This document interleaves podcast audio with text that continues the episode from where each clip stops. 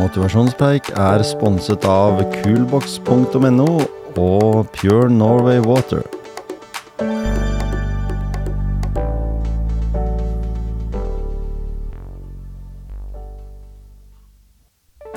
Da ønsker jeg velkommen til en ny episode i Motivasjonspreik.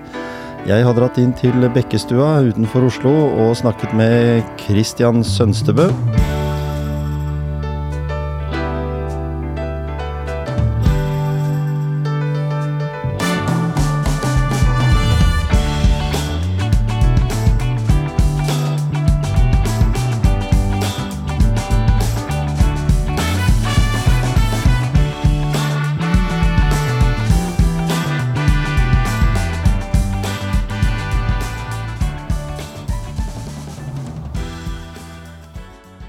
Hei Christian, velkommen til Motivasjonspreik. Jo, takk for det. Det var hyggelig at du kunne åpne hjemmet ditt her. Jeg har jo fått en liten omvisning.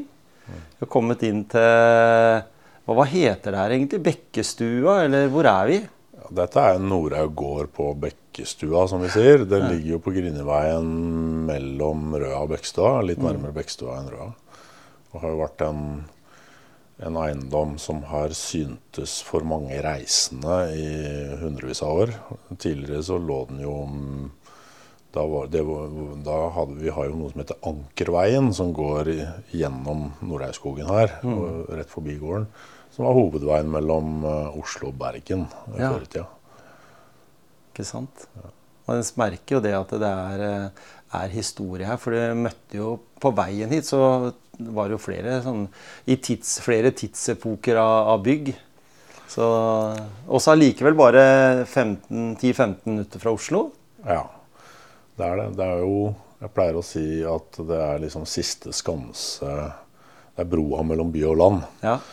Fordi du finner, det er jo noen andre naboer her som også er store, flotte bruk. En håndfull av de. Men dette er nok siste linja av store eiendommer, store bruk, før byen og det urbane tar over. Og når jeg flyr fra Mellom-Europa og hjem til eh, Gardermoen, så får jeg se på en måte da Griniveien deler omtrent en million mennesker på høyre side. Ja. eh, og så er det endeløst med villmark på venstre side. Ja. Så her kan jo gå inn i Lommedalen og videre opp i Krokskogen og, og Nordmarka. Så her er det helt endeløst med villmark på den ene sida og helt endeløst med mennesker på den andre. Og det er ikke mange hovedstadsområder du finner i verden som, som har liksom den der at du kan eh, føle at du kan I, den, e- i det ene øyeblikket kan det være skikkelig urbant, eh, være på TV med et program midt i tjukkeste sentrum, og i det neste så kan det være der ingen skulle tro at noen kunne bo. Ja, er, vi lever jo i et spesielt land, og jeg vil si Oslo har masse eh, takknemlighet for, for byen. eh, Fordi den innehar jo så mange aspekter av natur. Alt fra det urbane og mennesket, som er en, en del av natur, til havet og, og villmarka. Og, og, og det er veldig mange fasetter av det å utfolde seg som menneske på, kort, på korte avstander. da. Ja. Men det er jo ikke her det begynte. Altså, du er jo vokst opp i de samme områder som jeg er. I grenlandsområdet. Ja, jeg er vokst opp i Skien. Mm. og er, eh, kjenner meg som en fullblods telemarking den dag i dag. Det tror jeg kommer til å vedvare. På, det er, det er en, en del av identitetsregisteret vårt som eh, vi kanskje skal inn på seinere, som, som jo er fint. Jeg syns det er fint å føle identiteten til, til oppveksten min, som Ja. er Telemark. Og så har jeg nok en ganske bred forankring i Telemark, for slekta mi er jo fra Øvre Telemark. Det er jo bøæringer opprinnelig, men har jo spredd seg at Sønstebø-navnet har jo, er jo et stolt uh, telemarksnavn. Uh, det har jeg jo masse masse gode følelser rundt. Og har jo sjøl bodd i Rauland eh, og, og drevet og starta Telemarkhelten i Rjukan-Rauland-området. Og hatt mye, veldig mye glede av Øvre Telemark også. Ja. Og det er jo et begrep uh, for mange. Det har vel vært litt trøblete under koronatida å arrangere i det hele tatt noe som helst. Men uh, definitivt en veldig bra. Jeg har gått i den løypa noen ganger. Og du skal være, enten så skal du ha godt feste på skia, eller så skal du være flink til å gå i motbakke. ja da, det er jo Det er vel det en ofte Det er jo et aspekt av det naturen innbyr oss til. Å mm. få testa oss sjøl. Det er vel Det ligger noe mye identitet i nordområdene, Norge, Norden, mm. på det å, og, um, bruke naturen som læremester er et begrep jeg ofte eh, bruker. Ja. Og det å gå på ski og være ute og vokse i møte med det, mm. det har jo vært essens for mennesket i alle tider. Kanskje mindre nå enn noen gang, er mm. kanskje min påstand. Ja. Og det å ikke minst gjøre det i nordområder, i arktiske områder, som vi er kjent med, det har jo, gir jo en robusthet. Mm. For da, jeg snakker jo ikke her jeg, jeg går jo, prøver jo nå å formidle noe som er noe dypere enn bare muskulatur, som i en sterk arm eller et sterkt bein eller en sterk kropp. Mm. Men denne noe dypere strekket som ligger i oss nordmenn, nordboere, i det å kjenne på at det er godt og utfordrende på samme tid å gjøre seg klar til en skitur i 20 minus. Uh, det har en evolusjonsmessig kraft ved seg som er Uh, som er spesiell, og som jeg tror er ganske avgjørende i den tida vi står i nå. Mm. Vi ser en verden i stor endring det er ikke noe selvfølge lenger at alt skal komme på et selvfat i framtida. Vi ser kriger og naturkatastrofer, konfliktsoner osv. som gjør at vi er på vei, tror jeg, som rase og et evolusjonært løp på vei over i noe der folk faktisk må begynne å kjenne på instinktene sine. Mm. Og gjøre seg opp en mening om hvordan ser livet mitt ut hvis du tok bort hvis Suezkanalen og Beringsredet ble tetta av konflikt. Til at uh, det kommersielle landbruket med de fasettene av problemstillinger rundt uh, å få energi opp i maten, fordi jordsmonnet er så ut, utarma, til uh, vannforsyning og strømforsyning osv. Ingenting av disse tingene her. Jeg går ikke rundt og er redd, jeg ikke noe prepper. Men noe, alle nå er enige om at det er ikke noe selvfølge at disse forsyningslinjene er der en, til enhver pris, til enhver tid. Og da, Hvis vi looper da tilbake til det å gå ut i naturen og, og kjenne på det som mange ikke har forskjellig andre steder i landet. Der er det du kan, du kan overleve uh, ved å slappe av. Mm på en annen måte enn det vi kan her oppe. Og det er en verdi som kommer til å være i essens, tror jeg, for fremtidas utvikling av eh, samfunnet. Men Du har sagt tidligere at du har dette her sånn med speider i deg. Var du speider når du var ung? Ja, det er litt sånn samme som det å være telemarking. Jeg kommer alltid til å være ja, speider. Ikke sant? Det er sånn glede rundt den identiteten. Så ja. jeg ser ikke den eh, skal kollapse eller slippe med det første. Nei, for, for når du sier det der med telemarking, er jo det sjøl. Ja. Vi vet jo det opp gjennom hundrevis av år at, eh, at det var jo bondesamfunnet som regjerte. Eh, det var ofte der, til og med i vikingtida, at de kongene som var, møtte motstand eller at de fikk med seg folk. Altså, det var et, et stort engasjement. Mm. Eh, hvis, vi, hvis, vi, skrur den klokka fram til 20, ja, la oss si 2020, da, rundt den tida der, når vi går noen få år tilbake, eh, så sitter vi bare med hendene i fanget og ser på at vi blir slått sammen med Vestfold. Liksom, i, en sånn, I en sånn greie som vi til og med kommer bakerst i navnet, til med Vestfold og Telemark. Mm. Eh, mange syntes jo det var å få et slag i trynet, men en sa liksom ikke noe. For en tenkte at dette er bra for regionen fordi dette skulle bli så mye bedre. Og så forsvant litt av den derre telemarkskjemperen, den krigeren, da. tenker jeg. vet ikke, Har du tenkt noe på det? Om det har vært noe Jeg for meg så så det er morsomt det kommer opp, fordi den der, den der stolte identitetsfølelsen rundt telemarking, og for ikke snakke om speider, mm. den, eh, den, går jo dypt på en fin måte, i hvert fall i mitt liv, eh, om at jeg har jo vokst opp mye pga. speideren, men også eh, besteforeldre og miljøet rundt meg som har tatt meg mye ut i naturen. Mm. Og den, hvis jeg skal speile det opp, og Speideren er jo åpenbart mye natur. Og har fantastiske mennesker rundt meg, en speidergruppe i Misjonskirken Betania eh, i Skien. Som var eh, vitalt og åpent og gøyalt og ikke minst actionfullt. Mm.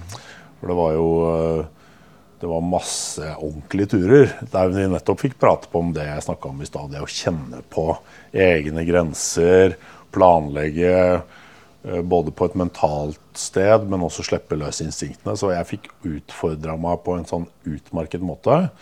Og Telemark var jo arenaen. Og mm. naturen Vi har jo all, eh, en tendens til å, å, skryte av naturen i Telemark, med god grunn.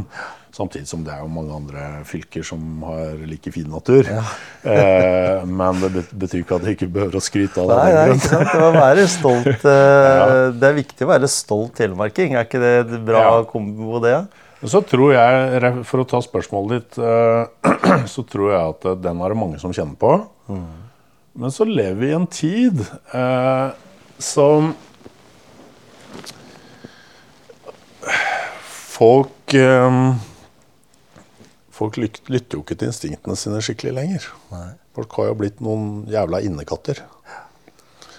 Um, og innekatt er egentlig et godt begrep, for en utekatt vi skjønner alle at den er mye mer prima og på og opptatt av å både leke og jakte og teste seg sjøl ut, enn det er en innekatt som bare ligger og koser seg i vinduskarmen og ser ut.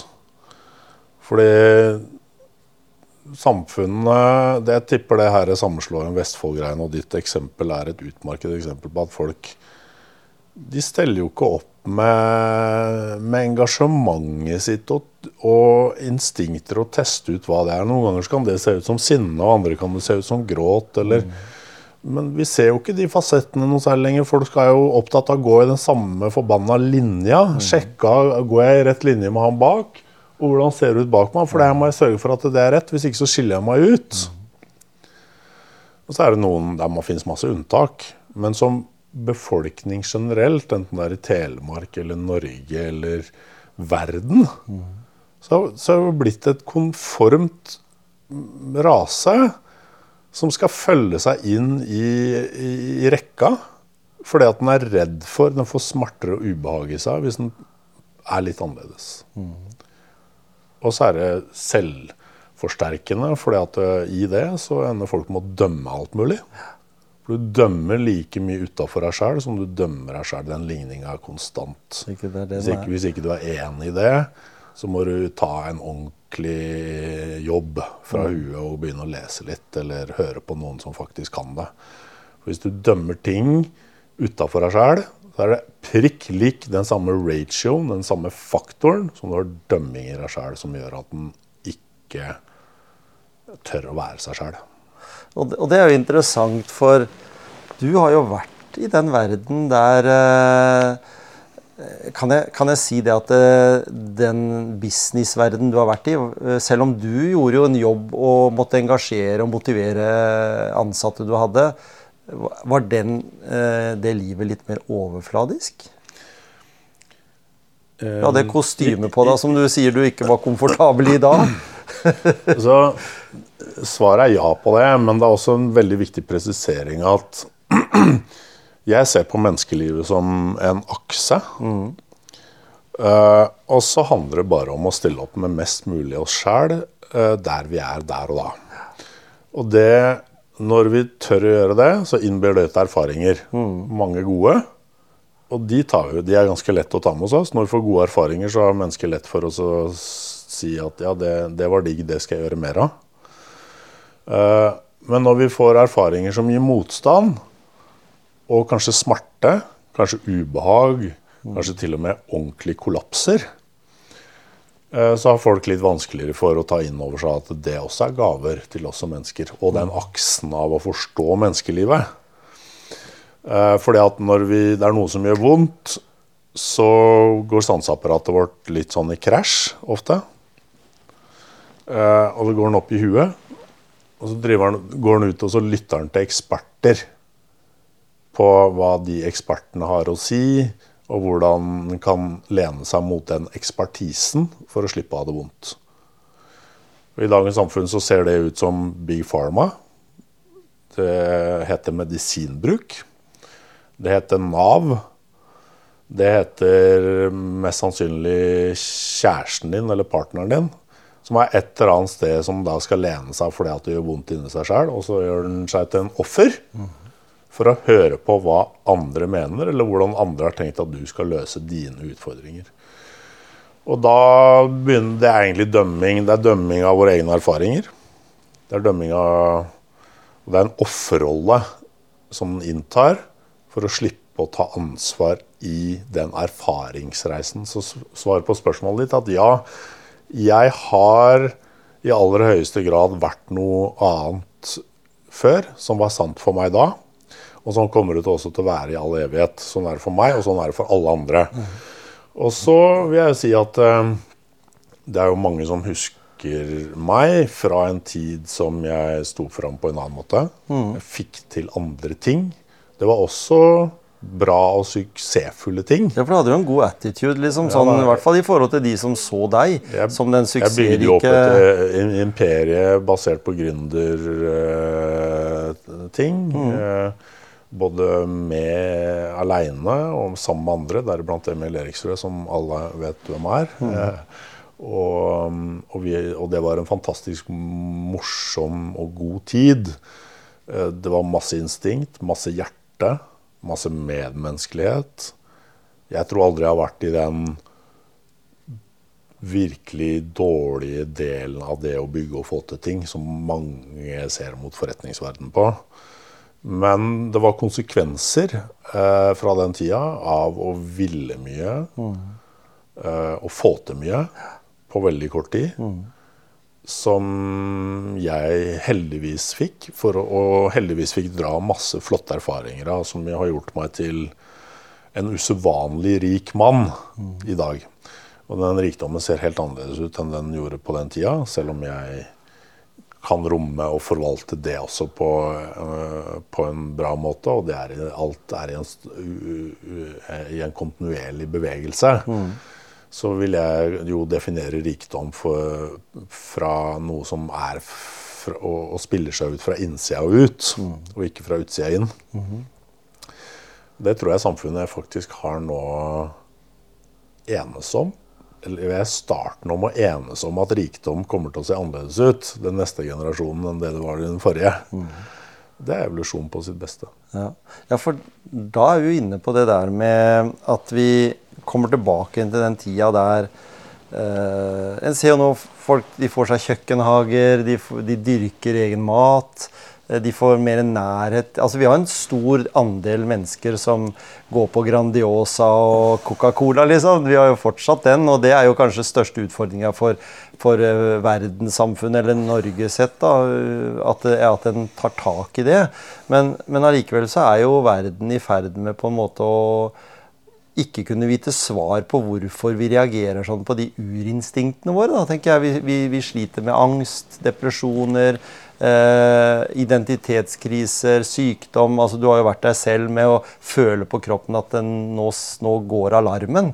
Eh, og da tenker jeg at det, eh, der er det gjort en god del forskning, men de stemmene kommer veldig lite fram. Jeg jobber jo i helsevesenet sjøl og ser jo det hver eneste dag at eh, Hvorfor kunne ikke jeg fått lov til å jobbe med forebyggende helse? da? For å unngå at disse menneskene som er her nå, ville ha kommet til meg og, og vært syke. Altså, og den eh, alderen går bare lavere og lavere. og det er, det er, veldig mye stressrelatert. Jeg jobber jo på nevrologisk avdeling. Så, så, vi ser jo dette her daglig. Eh, hodepine, stressymptomer, eh, utslett uh, ryggvondt altså Alt har jo med uh, den livskvaliteten vi står i her og nå, da. Ja. Og har utsatt oss sjøl for over lang tid, sikkert. Ja. Så når var det Christian tok liksom dressen og bare På en måte nesten sånn litt sånn uh, Supermann-Batman-stil. Du hadde liksom en annen uh, person der inne som nå vil jeg se mer av, av, av han? Du kan si det er, det er veldig gode perspektiver, og jeg har lyst til å snakke mer om det her. Uh,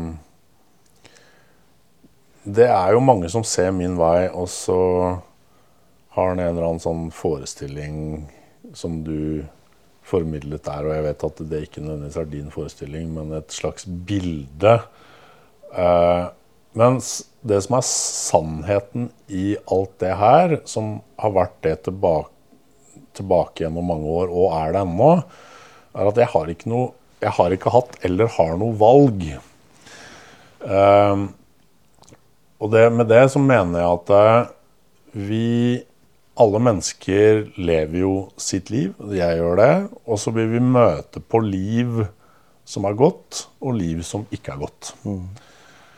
Og jo lengre den kommer i å være og ta dype, gode valg i seg selv, jo større blir observasjonsevnen mm. til å observere hva som er godt, og hva som er vondt.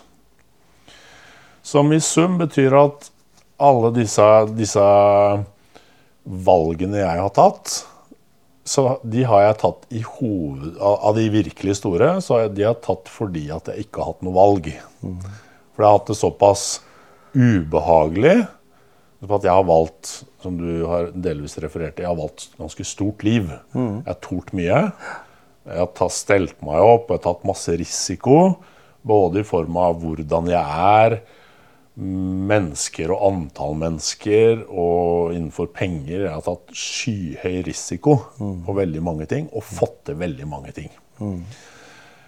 Med mange ting og store bevegelser så kommer også store store svar på erfaringene. Så i mitt tilfelle sånn Så har det Så, så, så, så leser jeg i økende grad, har gjort det i veldig mange år, av erfaringene etter hvert som de kommer inn i kroppen min. Ja. Så ved å ta masse risiko med masse gjeld eller masse ditt eller masse datt, så har jeg opparbeida en kompetanse eh, til å se at de valgene jeg tar, de kommer jo tilbake til meg og sansene mine, og hvordan, om jeg har det bra eller dårlig. Mm. Hele tiden. Mm.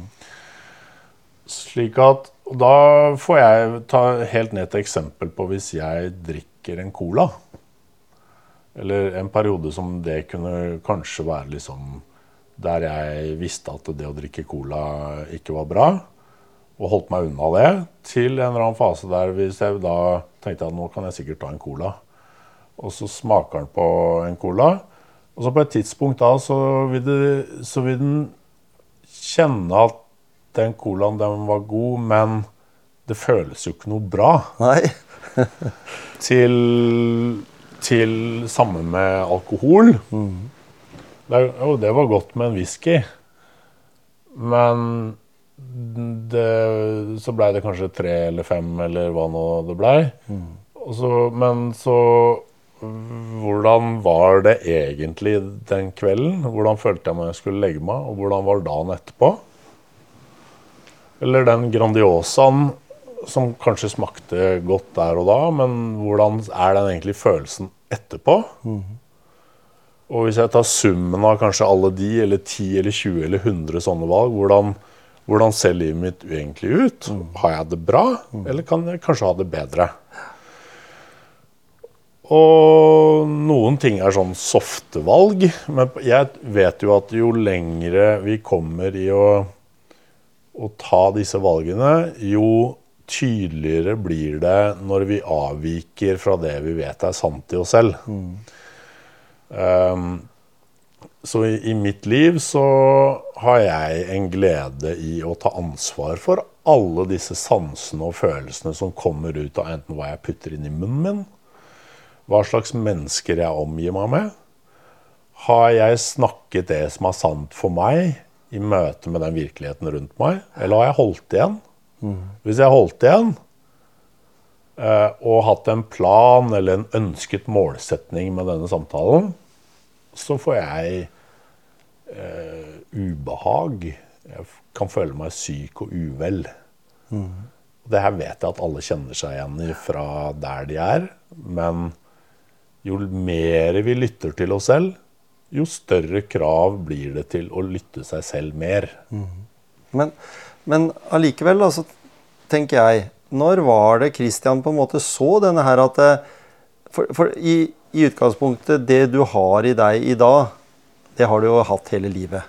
Vi er jo født inn i den støpeskjea som, som, vi er, på en måte. Og det er jo genetisk, og så er det miljø, og det er en del faktorer sånn som på en måte gjør oss til, til den vi er. Og så, og så kan det være at eh, Uh, nå har jo ikke jeg snakka med noen av de vennene du hadde når du gikk i skjorte og slips da, eller jobba i businessverdenen. Mm. Uh, om noen av de sier at uh, ja, Christian er en skikkelig ålreit fyr, men det har klikka litt for han. Ja da. Og det har jo du sagt også, at du respekterer at andre har andre meninger enn deg. for du er jo ikke en sånn type, sånn som jeg allerede nå har blitt kjent med deg, som sier at ja, ja, du kan mene hva du vil, men det jeg mener, er, er riktig, liksom. Du er jo ikke sånn. Nei. Du virker veldig sånn La noen mennesker være de de er, og så finne de, kanskje de, de beste verdiene ved seg sjøl, da. Mm. Og akseptere det. På godt og vondt. Alle er jo på forskjellige reiser. Ja. Altså, alle har un, I hovedsak, da, bortsett fra søsken, så har uh, forskjellige mammaer og pappaer. Mm. De har vokst opp forskjellig. De har fått skryt av forskjellige ting og kjeft av forskjellige ting. De har hatt forskjellige lærere, de har spist forskjellig mat. Mm. De har hatt forskjellige fritidsaktiviteter. Alt, alle disse erfaringene vi har i dette menneskelivet, de gir oss en persepsjon på hvordan vi observerer virkeligheten vår. Mm. Og, og, det vil også gi da forskjellige sannheter på hva som er sant for hver enkelt individ.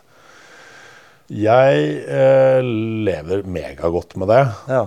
Eh, og så syns jeg det er spennende å utforske og ikke minst vise, altså være i tjeneste, med å velge det i større og større grad. Mm.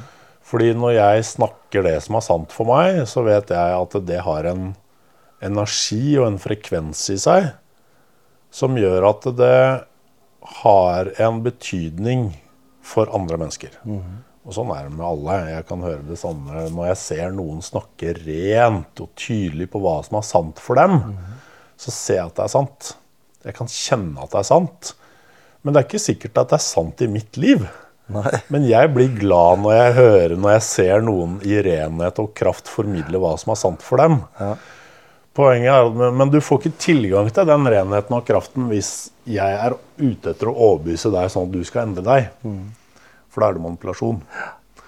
Da er det en manipulasjonsfrekvens. Det betyr ikke at det nødvendigvis at det, de som, har, som, holder på på den måten, mener å manipulere noen. Men underbevisst, hvis de skal endre ditt perspektiv fordi at den mener at den sjøl er bedre enn noe annet, så blir det manipulasjonsfrekvens, og da er det egentlig ikke folk som gidder å høre etter i lengden. Men, men det, der snakker vi jo om menneskehetens opprinnelse.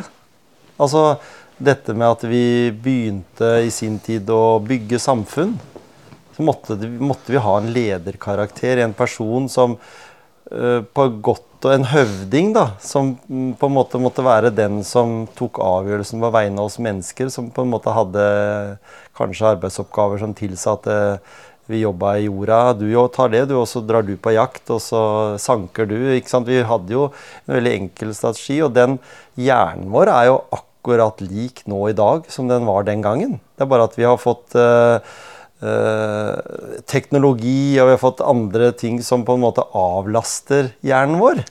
Så, så, så hvis vi tenker sånn at menneskeheten eh, har en, en, selvstendighet, en, en verdi, da, så, så, betyr jo menneskelivet mer for deg enn det, det samfunnet tillater oss til å å tenke på, fordi vi skal jo helst inn i den samme boksen i dag. Det er letteste for samfunnet. det er at det, Sånn utenfor-tenking eh, eller utafor boksen-tenking, det, det, er ikke helt i tråd med Jonas Gahr Støre og sånn som Norge bør være for at det, det skal være mest lettvint. Ja. Det er et veldig interessant perspektiv, eh, og jeg vil jo gå litt sånn tilbake fra et evolusjonært perspektiv. For det, det, det, gir et utmerket eksempel på at det var sant en gang, og nå bør vi sette spørsmålstegn ved disse sannhetene. Fordi at det var jo en tid der mennesker levde i stammer og sånn og sånn, og så blei det et ønske evolusjonen inviterte til å skape mer av fysisk materie. Mm.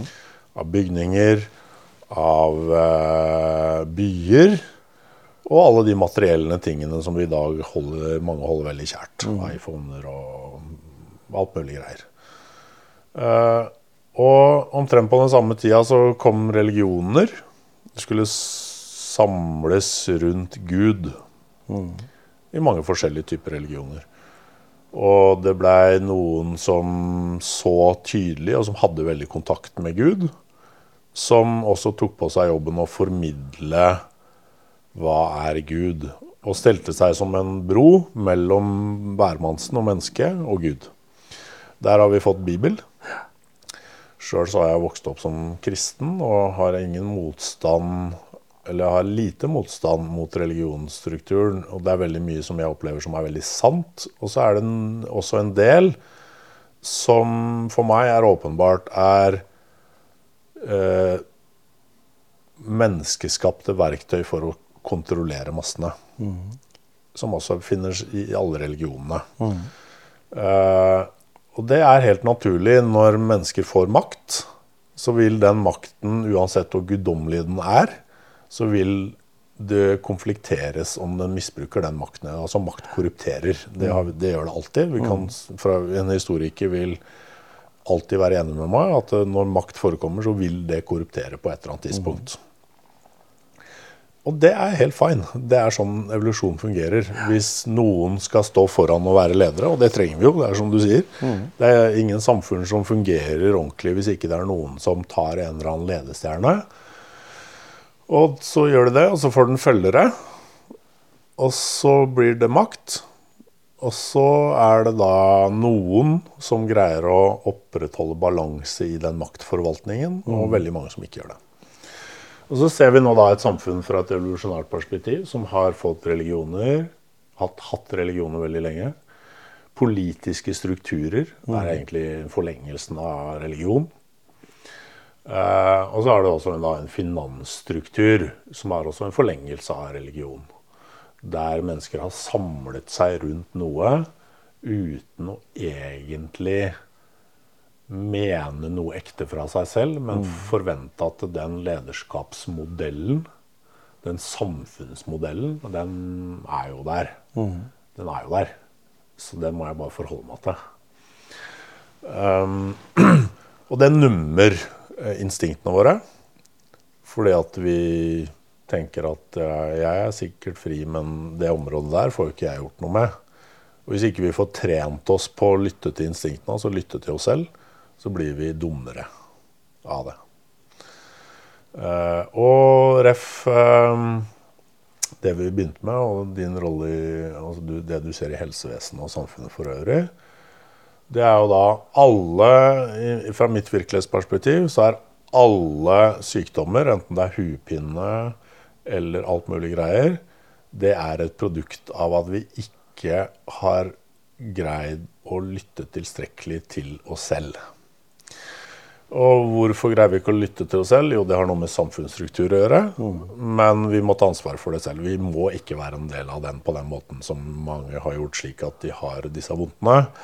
Og hvis en dytter i seg den uh, halvannen literen med cola og spiser den Grandiosaen, så kan jeg garantere at det er med å degradere sanseapparatet vårt. Ja, og putte i seg de pillene òg, da. Så har du gjort det òg. Og pillene og høre på nyhetene. høre på nyhetene og høre google, på ditt og høre google på datt. hvorfor det er vondt i ryggen. Og sette seg sjøl til side og ja. ikke ta ansvar for det som faktisk er godt, og det som er vondt inni oss. Sant? Men, men, når vi snakker med Kristian, så hører jeg jo det at eh, Gud betyr jo noe for deg. Eh, er det den Gud vi kjenner fra kirken som på en måte er opphøyd? Eh, du snakker jo om kvantefysikk òg. Det er jo big bang i starten i hvert fall. Hvis vi begynner der på sånn helt ifra starten. så snakker vi om fysikken av verden. Altså kom verden til av en At dette ble gjort av en eh, Sånn som vi ser Gud i dag, så, så er jo han egentlig mindre og mindre visualisert, da. Han er jo mer bare en en, eh, en, en busk eller en himmel, og så er det jo Jesus på en måte som bærte budskapet, hvis vi tenker kristendommen for oss da, som bor her i verden, eller som har kristendommen. Så, så tenker jeg da eh, hvor mange Altså vi vet jo det at mange konflikter har vært eh, gjort. Du har til og med gjort det sjøl nordmenn med korstoga i sin tid. Eh, brukt kristendommen som skjold. Eh, og vi sitter jo her i dag og vet jo det, føler på kroppen hvis vi skulle følge med på nyheter hele tida. Jeg gidder det snart ikke mer, for jeg vet at det er mye av den krigen der ute jeg ikke kan gjøre noe med. Og så kan jeg kanskje slite litt med å finne ut av hvilken side skal jeg stå på. Fordi jeg prøver å tenke hva er vi som nordmenn, da, hvis ikke vi støtter de som lider mest. Mennesker, altså barn. Du er jo opptatt av det med at starten på alt er jo barnet. Den renheten og den, den, den, nysgjerrigheten som barnet kommer med, og som vi egentlig kanskje har med oss hele, hele livet. Hvorfor skal de være de som får svi mest? Det, det, faller ikke helt inn naturlig, tenker jeg, i forhold til Guds og Jesus-troen og, og, og, kristendommen. Mm. Det er hardt å tenke på. Ja, det er det. Det er, dette området opptar meg og de aller fleste om dagen. Og det er, det er et kjempestort område. Mm. Um, jeg skal prøve å resonnere litt på hvordan jeg ser det, og det er jo at um, Jeg um, ser jo Gud som, som alt. Ja. Jeg er naturmann uh, og anerkjenner etter veldig mange år, kanskje hele livet, om å studere og forstå studere meg selv i møte med det å tro på noe. Mm. Så der jeg er nå, det kan godt være det er i bevegelse, hvem vet, mm. eh, så, så, kjenner jeg et nært forhold til Gud. Mm. Eh, men det kommer via et nært forhold til meg selv. Ja. Jeg mener at Gud er i alt. At Gud er i deg, er i meg, er i alle aspekter av naturen. Og Gud er til og med i da, alle bevegelser mellom alt. Mm. Uh, så for meg så er mitt nære forhold til skaperen helt uavhengig av religion. Jeg vil si at religion er et, Det har vært et verktøy for mennesker å lene seg etter, som jeg anerkjenner. Mm. Men den påleningen mot religion har også skapt veldig mye maktmisbruk. Som ja, igjen har skapt mye eh, smerte. Og vi ser det jo veldig tydelig nå på Gaza. Sånn har det vært der i Det har vært det siden vi vokste opp, liksom? Eller siden ja. går lang, ja, mange, går mange år mye lenger tilbake ja. enn det også. Uh, og så ser vi at den misbruken av Gud som et verktøy til å få mennesker til å innordne seg i å skulle tro på noe framfor det andre. Det innbyr til polarisering, og det blir krig. Mm. Og så er det noen som har tatt disse beslutningene, men så har alle tatt beslutningene og følge det eller ikke. Og så sitter vi også da med ofte en sånn som du formidlet, en konflikterende følelse om hvem skal den velge. Mm. Hvem skal den heie på? Hvem skal den støtte?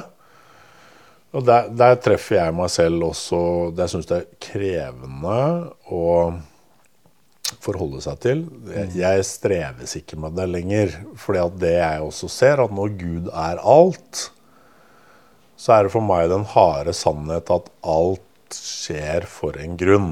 Mm. Og det er grusomt å ta det inn over seg at det, da, at det, er så mange tusen barn som skal dø ja. i mennesket sitt studie av å forvalte makt, forvalte seg selv mm. og forvalte gudstroen i det. Mm. Like fullt så er det helt nødvendig, alt som skjer til enhver tid, for at evolusjonen skal gå videre. Mm. For det som vi kommer til å skje, se down the line med evolusjon, er at vi kommer til å få et mye strengere krav til maktstrukturer på om de er i balanse med seg selv eller ikke. For nå, enten vi ser det på helse eller religion, politikk, økonomi, alt sammen, er alle enige om at det er, det er usunne strukturer. Så er det så mange folk som hengir seg like fullt til det. For de, de er ikke sterke nok i seg selv til å stille seg opp ordentlig mot det. Meg selv inkludert. Ja, ja, for den støpeformen du er i, den passer jo på en måte ikke inn i eh, Du nevnte her tidligere Nav, Skatteetaten, uh, minside.no, bank-ID og hele pakka, liksom. Fordi, fordi, på en måte Du setter jo livet, eller mennesket, høyere enn systemet. Føler jeg litt sånn at du på en måte har Det er så verdifullt for deg å, å leve ut din kan vi si drøm, eller din, din ønske om at det, det er på en måte det som er selve livet for deg. Akkurat som jeg tenker at jeg, jeg, tror jeg var rundt 50. Da bestemte jeg meg for at nå skal jeg se livet i litt annet perspektiv. Jeg sa til meg sjøl at nå er jeg midtveis i livet, tenkte jeg. Uh, og, og, da gjorde jeg noen valg, f.eks., og det har jeg sagt i podkasten før, det er at jeg vil gjøre ting jeg vil, ikke ting jeg må. Det var en sånn enkel filosofi jeg kunne gå med hver dag og tenke at i, i, dagens eh, greie så har du sikkert også du i livet mange ting du må, men du vil helst gjøre tingene de du vil. Og kan det, kan det stemme litt også? Fordi jeg føler at du i dette huset som jeg har fått uh, blitt kjent med nå, uh, og sett elementer både her og rundt huset som viser på at her gjør du veldig mye du vil. Mm. For det er, det er mye mer sånn Jeg kjenner at skuldrene mine når jeg sier 'dette vil jeg', så kjenner jeg med en gang at det er noen som slipper taket. Men hvis jeg sier at 'Å, nå må du', da blir det der. Ja, ja. ja takk som ser, og, og, det er jo Det er helt riktig. Det er jo over tid gjennom et menneskeliv så har jeg jo, for det som jeg sa før, til, jeg har måttet ta valg som innbyr til nytelse og glede. Mm. Fordi at hvis jeg ikke gjorde det, så hadde jeg hatt vondter i kroppen og dissonans i livet og ubehag som gjort at jeg mest sannsynlig ikke hadde orket å leve lenger. Mm. Så det er på en måte en skapelse som har skjedd fordi jeg har måttet gjøre det. Mm. Men måtte fra et nytelsesperspektiv. Ja. Det er jo mitt, mitt største kanskje mantra i det å håndtere selvvekst er ikke nødvendigvis å grave inn i det som gjør vondt. Det har jeg også drevet mye med. Det, er, det funker, men det er veldig slitsomt. Mm. Men rett og slett velge mer av det som har lyst til. Mm. Og da får den fra den tilstedeværelsen som ligger i det For alle vet jo at når vi gjør noe som er godt, så, så ser den veldig klart. Mm. får tilgang til seg selv så løser ofte de problemstillingene seg 100 ganger fortere enn det den gjorde ved å grave seg inn i problemet. Mm. Dette er jo lov om tiltrekning. Um, så det er helt riktig. Jeg uh, har gjennom mange år utøvd dette her, og det resulterer i at jeg lever mer uh, med det jeg har lyst til. Mm. Og så er det punkter i mitt liv, og du sier innlogginger, og det er uh, forskjellige typer strukturer der ute som, som jeg ikke har like lett for.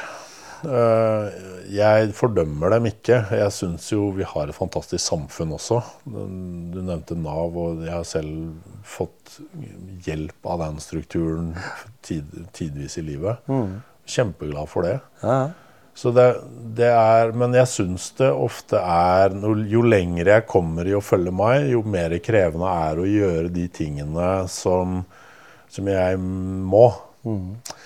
Um, men så ligger det et valg i det òg. Jeg har venner og nære relasjoner rundt meg som, som har stikk motsatt. Som syns alt det her er lett. Uh, og så hjelper de meg med det noen ganger. Og så hjelper jeg dem med det som er dritlett for meg, som de syns er vanskelig.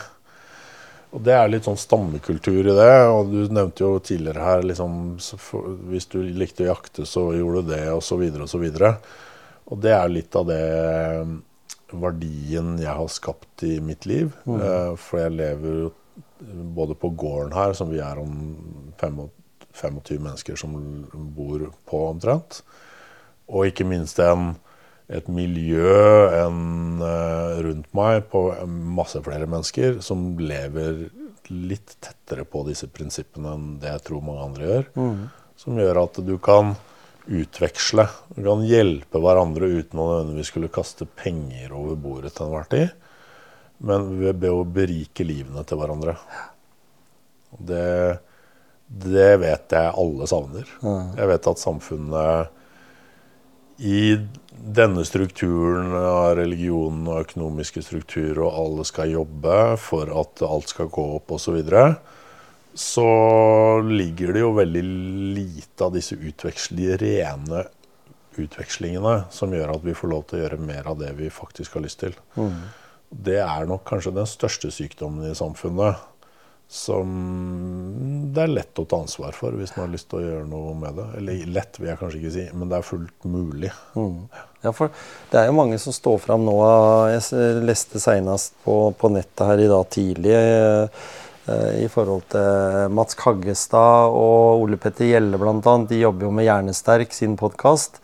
Eh, og er jo veldig nå i Altså nå begynner liksom også Eh, TV-kanaler og andre betydningsfulle mennesker å fortelle at vi må gjøre noe med forebyggenheten istedenfor å bare være et sykevesen i Norge. Og det kan jeg si masse om. Det kunne vært en egen podkastserie om. Ja. Ja. Men, men, jeg har lyst til å spørre, da, eh, når vi var inne på det her med religion Jeg er selv opptatt av religion. Jeg også ser meg sjøl som kristen. Men, eh, og jeg, jeg, får tårer i øynene ett sted, og det er når jeg er i kirken. Jeg eh, skulle gjerne vært der oftere. Men det å også ha litt sånn med personer å gjøre. Hvem er det som står der framme og skal fortelle meg om Gud, da, eller om den, det som gjelder? Mm. Uh, og jeg var jo i kirken senest til jul, og dessverre da så blei det ikke nevnt noen ting om konflikten ute i Europa. Mm. Uh, og der vi skulle på en måte be for de, for en bedre verden for de da. Uh, går du ofte i kirken? Nei, det gjør jeg ikke.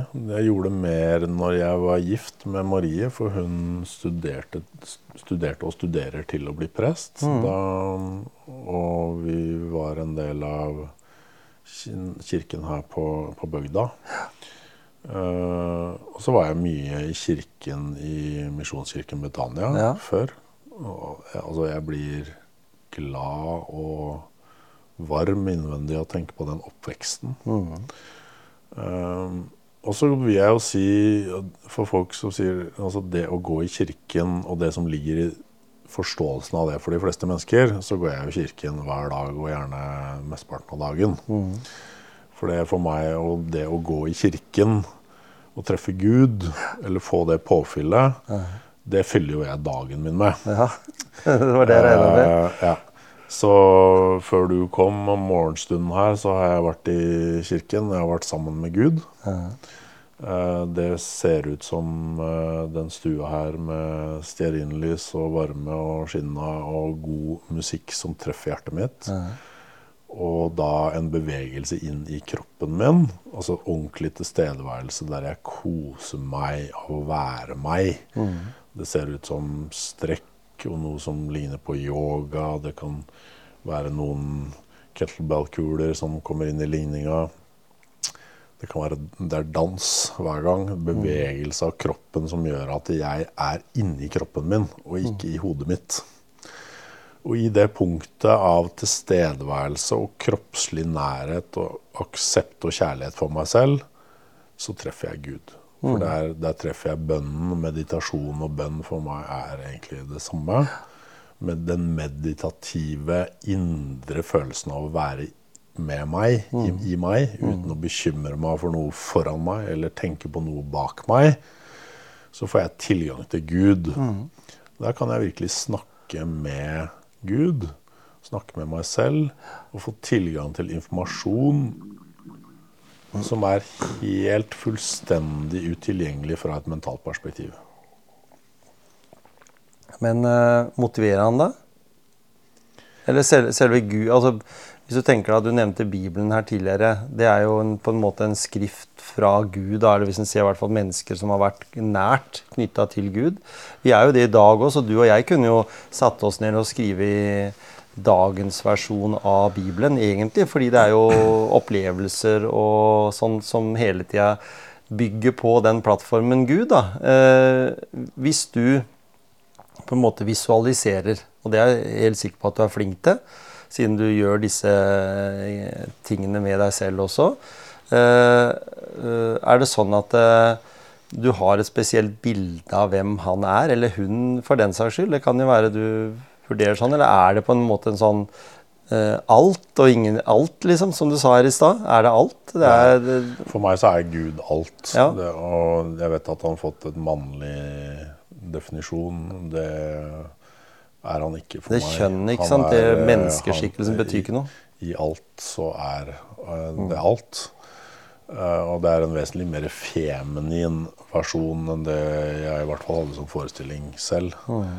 Um, og jeg For å få tilgang til dette stedet i meg, så kan ikke jeg heller dømme eller definere hvordan ting skal se ut. For den, i det punktet av å få kontakt med meg selv og derav Gud, så ligger det en aksept på at da møter jeg, jeg meg i mitt autentiske meg. Mm. Så da må jeg tørre å være og snakke og bevege meg helt uten å uh, ha en forhåndsdefinert idé på hvordan det skal være. Uh, det, jeg som nevnte dans. Uh, jeg vil også si at uh, Gud er med meg og oss her og nå. For hvis ikke så er det ikke ek, tilstrekkelig ekte. Nei.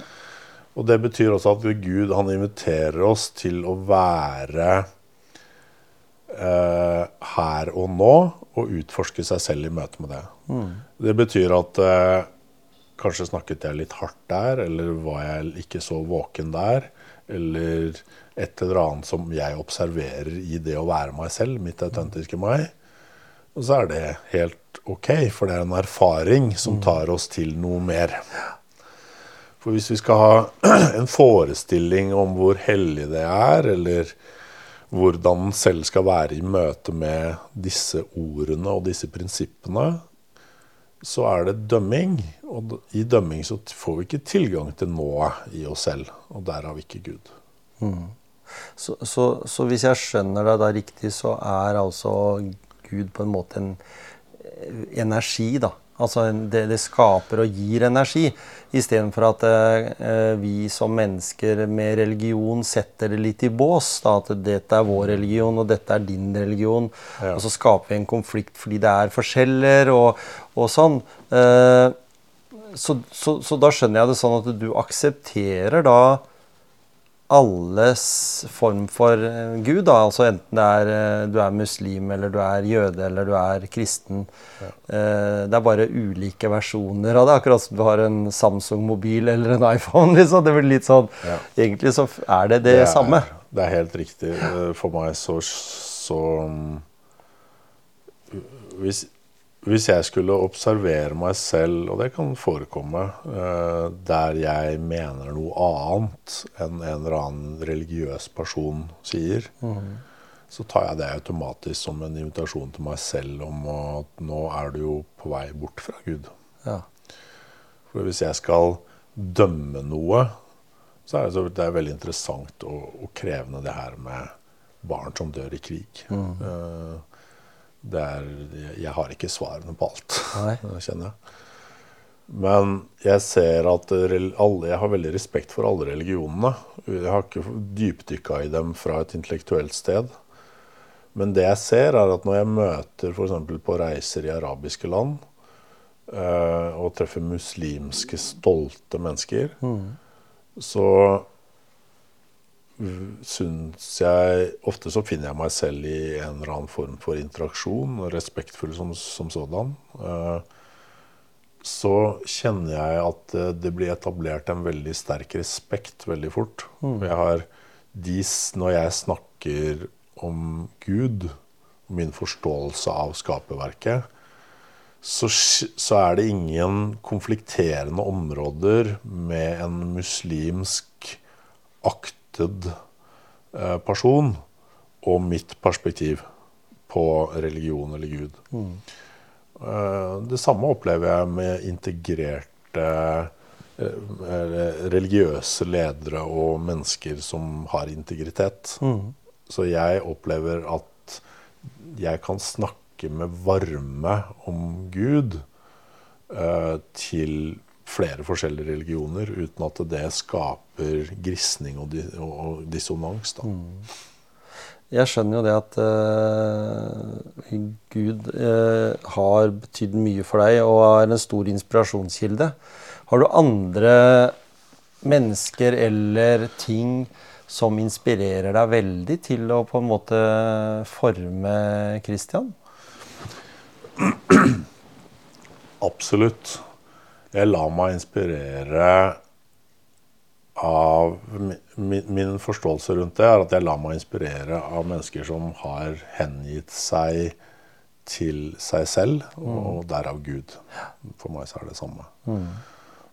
Så jeg blir inspirert av mennesker som er Som tør å være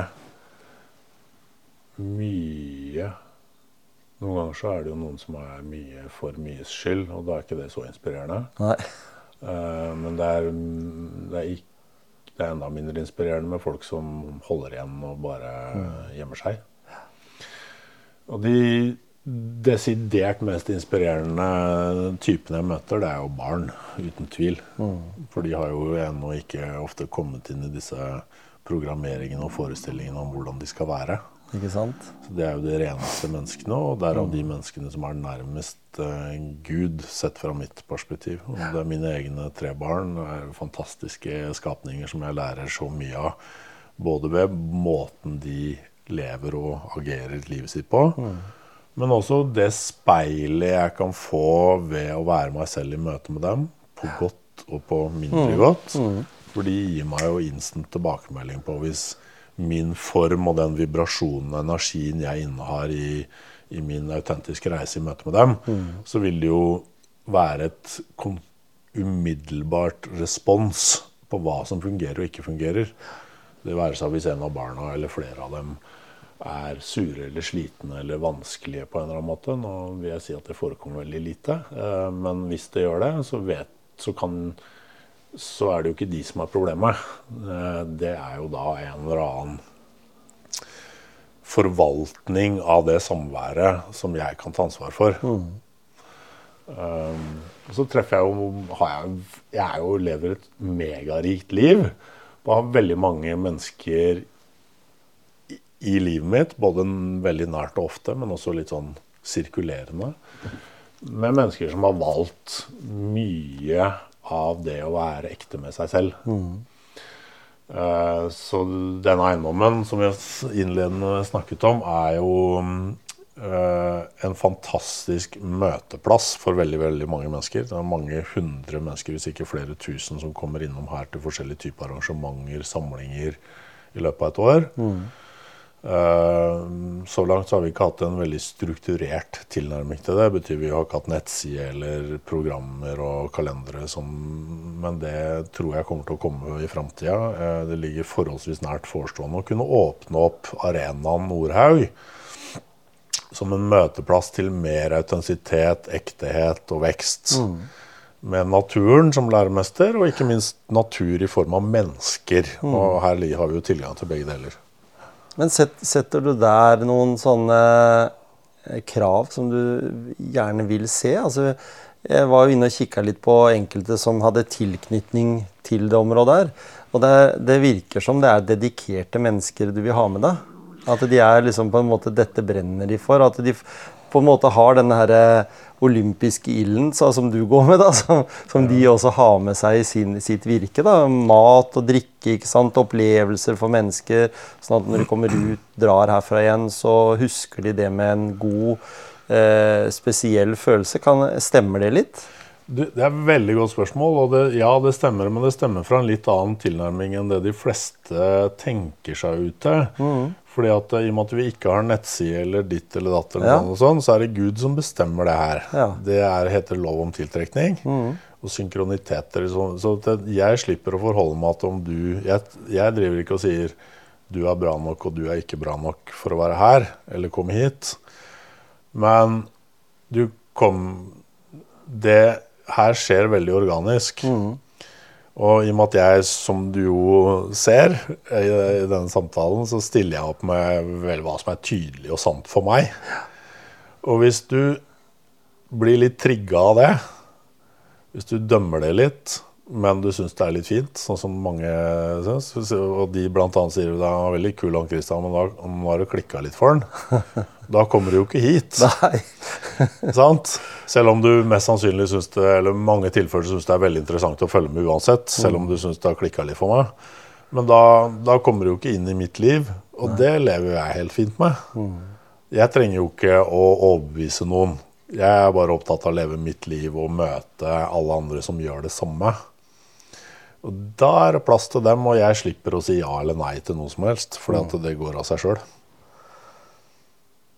Jeg har lyst til å ta dette her eh, og snakke litt om det her, eh, de rammene vi har i samfunnet i forhold til ting du har sagt. Eh, Jeg har jo hatt mange innom i podkasten, og vi har kommet veldig ofte poppa innom skolen i Norge, da. Du har jo gått den, den vanlige folkeskoen da, som jeg har gjort. Du er jo Ja, ja, ja. 79-modell. Ja, Så du har jo på en måte, vi har jo det samme. Og, og jeg har jo sagt at, og jeg har fått den der eh, tilbake fra mange lærere da, som sier at ikke det stemmer. Og det er nok sikkert ikke helt riktig, men jeg mener jo at eh, skolen i dag er støkt på 1950-tallet. altså det vil Si at det var i den der, der vi skulle pugge gloser, og vi skulle liksom Vi skulle ikke få en egen identitet i skoleløpet, fordi det ville ikke passe inn. Det blir litt sånn som The Wall med Pink Floyd. ikke sant? Du, alle skal gjennom den samme kjøttkverna. Det har du sagt litt om, fordi du, du også syns det er feil. Fordi vi må Altså den sjelen og den menneskepersonen som du er i dag, da, den kan du på en måte ikke dyrke fra du er barn og ungdom, fordi du blir satt så veldig i den båsen norsk skole. Ja. Nei, det er jo uh, Nok en gang så vil jeg jo først anerkjenne og rettferdiggjøre der vi er i, med skolen, fordi at det har jo hatt en veldig fin funksjon tilbake i tid. Vi trengte jo kunnskap. Vi trengte å samle Som art i evolusjon så trengte vi kunnskap og samles. Og det var for vilt, og folk drepte hverandre, og du brant folk som eh, du trodde var heks. Ikke sant? Så det, det, og det var totalt utglidende elementer av evolusjon på det tidspunkt som du putta inn religion og etter hvert skole osv. Så, videre, og så, videre. så jeg dømmer jo ikke det her for at det blei etablert. Men så, er, så har det noen sykluser i evolusjon. Og jeg tror vi står der nå om at eh, jeg er enig med deg at skolens struktur Ikke et vondt ord om de som jobber der. Nei? Fordi altså, Det er jo som en Nav. De menneskene som jobber der, er jo fantastiske folk. mennesker som dedikerer Nå ble jeg ordentlig rørt, liksom. For det, det er så mange flotte lærere Ja. og ansvarlige mennesker i norsk skole som er bare helt fantastiske. Tenk, tenk hva de står på for barna våre. Eh, og det er utelukkende vakkert. Og så er den organismen, utdanningsinstitusjonen, eh, både i Norge og verden for øvrig, den er da gått ut på dato i den forstand om at eh, de barna som vokser opp nå, eh, de vil i stor grad ha høyere krav til hva som skal til for at de stimuleres og utvikles og læres, enn å sitte på en benk og pugge ting. Det gir absolutt ingen mening. Nei. Det er som vi er nå. Eh, og jeg peker jo ikke den fingeren her mot noen individer. Og, og, eh, men realiteten er at eh, vi ser jo da atferdsproblematikken forsterkes fordi at barn ikke får utfolde seg på det som ligger deres instinkter nært. Å sette små gutter, eller sikkert også jenter, liksom fast å sitte på den stolen og lære seg at den skal sitte fint og høre etter, det er jo bare en komedisk tankegang. Ja, jeg er enig med deg. eh, og så er det selvfølgelig noe struktur, og noe sånn har alle godt av på en måte Mm. å observere. Men det må komme fra et mer sant og kraftfullt ekte sted, Ja. istedenfor en sånn du vet den der, så, Nå var jo ikke det i min tid. Jeg ble ikke slått med verken den ene eller andre måten, og ikke med linjalen av læreren heller. Men hvor komisk hadde det vært? Altså, det var jo helt sant at du kunne få et lite napp av læreren, læreren din på 50-tallet. Liksom. ja, du kunne liksom, Ja. Og da var det sant, men sannhet er i bevegelse hele tida. Og, og skolesystemet, i likhet med mange andre større samfunnsstrukturer, greier ikke å tilpasse seg den utviklingen som evolusjonen og samfunnet gjør. Det kommer til å komme, men eh, det er en problemstilling. Ja, For, ja, for vi snakker jo om straff som en veldig dårlig preventiv greie. Vi vet jo det. Ja, det, det, det er jeg er mer på gulrot, ja da. Hvis noen hadde prøvd å innfinne seg i mitt liv med å tilby straff som virkemiddel til at jeg skulle endre meg, Ja. det, det, det kommer aldri til å skje. Nei. Det, det slår inn som en totalt uh, misvisende element for at jeg skal gjøre noe som helst endring i meg sjøl. Ja. Allikevel så Jeg, jeg syns liksom det var artig også å belyse akkurat det med skolen. For jeg så jo hvor rørt du blei av det å snakke om de menneskene som er bak i, i denne organisasjonen. Og det kan vi vel si om, om veldig mye i eh, den norske strukturen, at det er veldig mange flotte mennesker. Det er bare at en må forholde seg til en sånn, eh, en, en, en sånn boks, og inni der skal du være. Eh, Men når vi da snakker om det her med skolen nå, da, fordi det vet jeg at eh, en del ting er under utvikling. Dvs. Si at eh, videregående utdanning blir vurdert annerledes nå. Snakka seinest for et par uker siden med noen som driver da, for jeg er litt opptatt av å finne verdien av de menneskene som kan jobbe i helsevesenet. Eh, og der har det vært veldig tungt. ikke sant? Du har ikke fått plukka ut de rette folka. Eh, et menneske som kanskje har levd ditt liv, eh, kommer ikke inn på skole fordi en har karakterer fra videregående, og så har en jobba med mennesker i 20 år.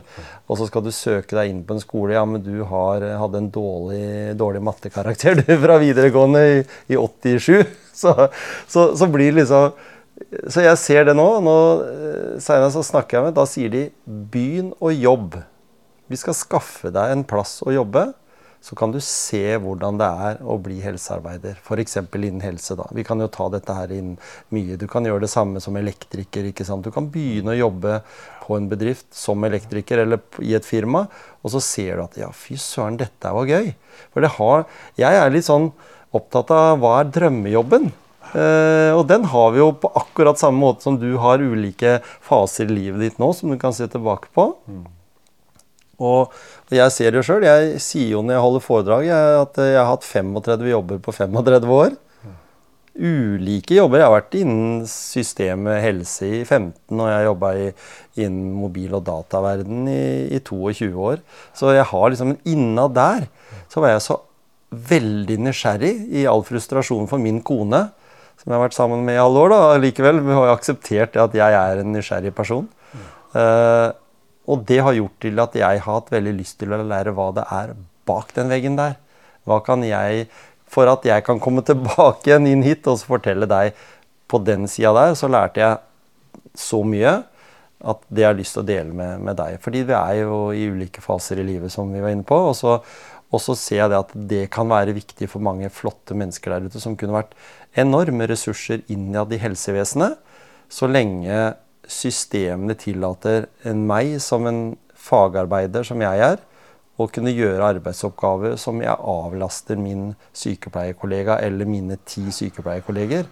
eh, Fordi de har så mye annet de kan gjøre som de er kjempeflinke til. Og da er vi jo inne på det her med å gi eh, folk uh, muligheten til å skape sin drømmetilværelse. Syns, høres det for deg i din verden ut som en sånn utopi, eller at det kan være mulig å få til? Før jeg svarer på det, så har jeg lyst til å stille deg spørsmålet. For det øhm, Hvordan ville Nå har jo du en jobb i, i helse på sykehus, eller? Mhm. Ja. Hva skulle til for at det kunne sett sånn ut på din avdeling? Der du jobber? Ja, hvis jeg hadde spurt Jeg, jeg var jo så heldig nå at vi fikk Eller hadde vi en veldig dyktig sjef før òg, så det er ikke det. Men der jeg jobber nå, så fikk, en, fikk jeg en mannlig sjef.